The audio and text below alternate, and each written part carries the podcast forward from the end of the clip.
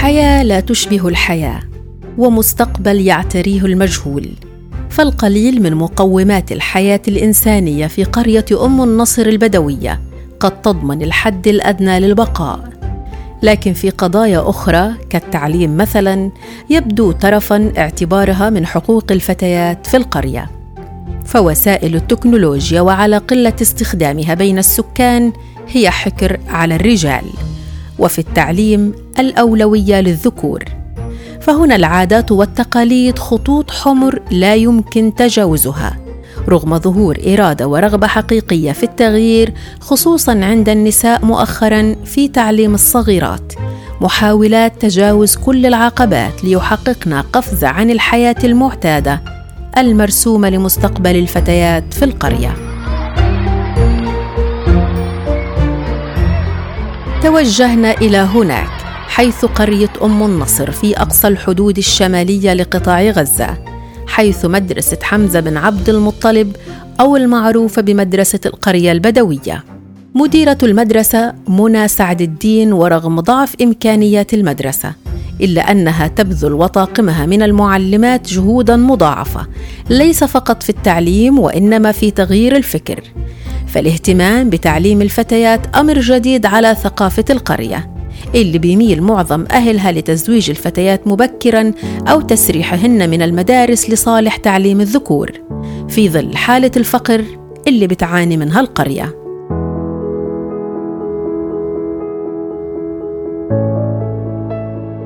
قديما كان ما فيش التعليم الثانوي يعني ما بيطلعوش البنات من القرية. طلوع البنات من القرية هذا شبه مستحيل. بعد ما فتحنا هذا صار التعليم حتى التوجيهي. ومش كل البنات. طبعا الزواج المبكر عندهم بصورة كبيرة. وبالرغم من ذلك ما زال التعليم في القرية لا لا يصل إلى المستوى المطلوب.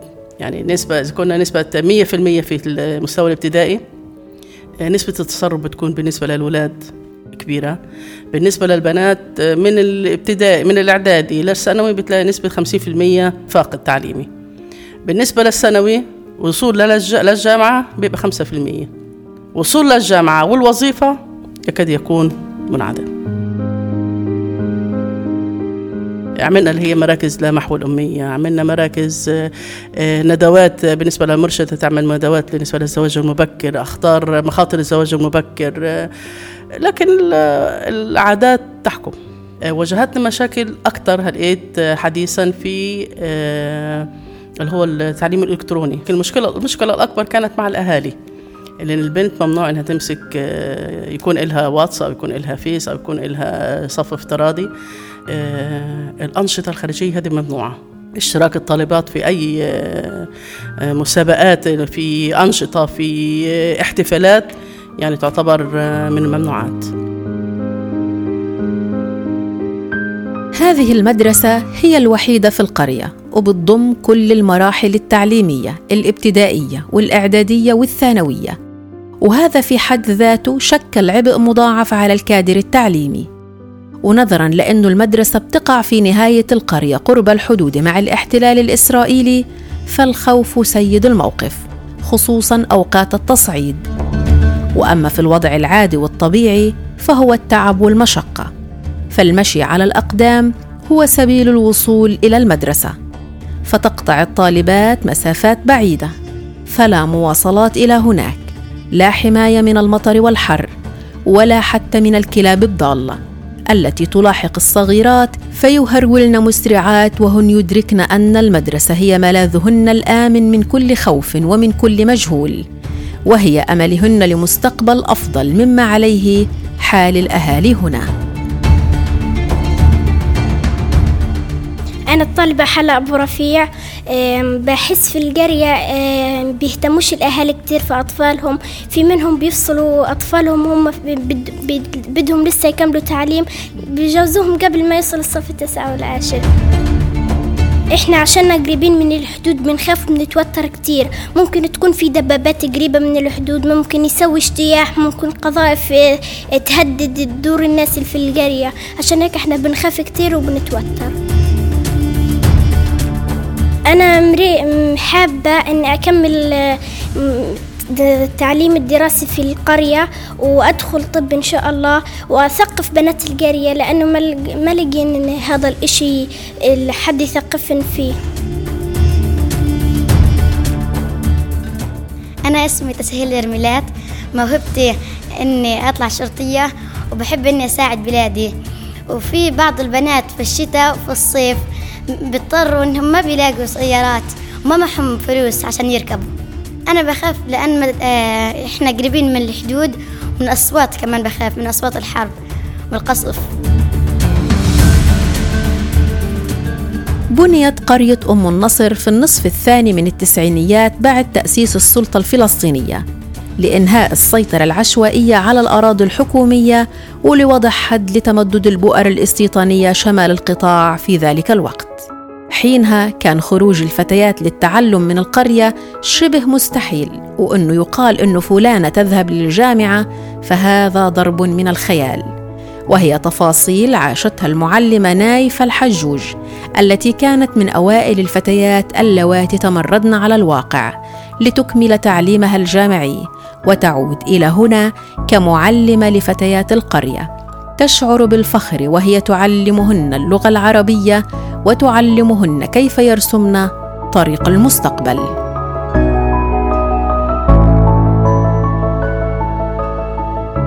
آه، الفترة كانت إنه كانوا بنعدوا على الأصابع البنات اللي كانوا بروحوا على المدرسة. يعني أنا لليوم بذكر آه، زميلاتي اللي كنا كنا نروح مع بعض للمدرسة. يعني والمسافة كانت كبيرة جدا بين البيت والمدرسة. يعني كان في آه، كثير من القيود على هذا الموضوع. وزمان كان في آه، العائق الأساسي العادات والتقاليد خاصة لما يكون في عادات وتقاليد لمجتمع محافظ بينظروا إنه هذه الفتاة يجب المحافظة عليها آه، يعني أكثر من اللي هو آه، آه، الشاب أو الولد لأنهم بيعتقدوا أنه هذه الفتاة يعني بتكون ضعيفة في المجتمع بحاجة إلى من يحميها ويحافظ عليها. الزواج المبكر يعني كانت بالأمس ولا زالت إلى اليوم هي تعتبر من العائق الأساسي إلى, إلى هذا اليوم. طبعا لكن هي قلت نسبتها لكن ما زالت موجودة ويتوارثوها آه، الأهالي يعني جيل بعد جيل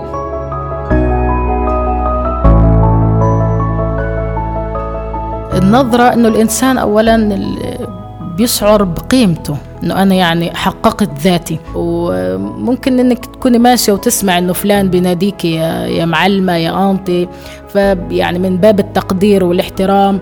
وممكن يكون ماسك بنته ويقول أنت بدي اياك تصير انت مثل هذا الأنت. الحمد لله لما بقف قدام البنات يعني أنا بشعر بالفخر والاعتزاز. أيضا اليوم البنات أنا بشجعهم وبقف معاهم. حتى دائما أنا بزرع في بناتي فكرة ان هم يكونوا شيء. واليوم بناتنا بنلاقيهم بالجامعات وبخلصوا جامعات وبيجوا آه، عنا يعني بيكونوا معلمات. يعني بنات أنا علمتهم اليوم هم صاروا معلمات.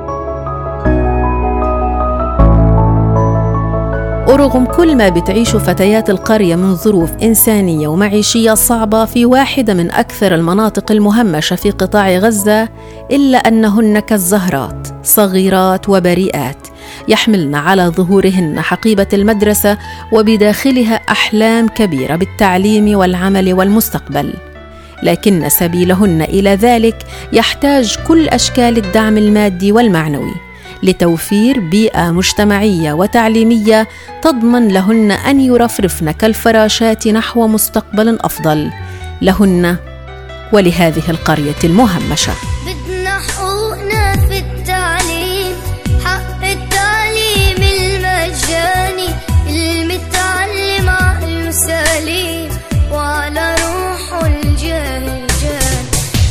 بودكاست على حافة الحياة. إعداد وتقديم حنان أبو دغيم إخراج صوتي خالد النيرب.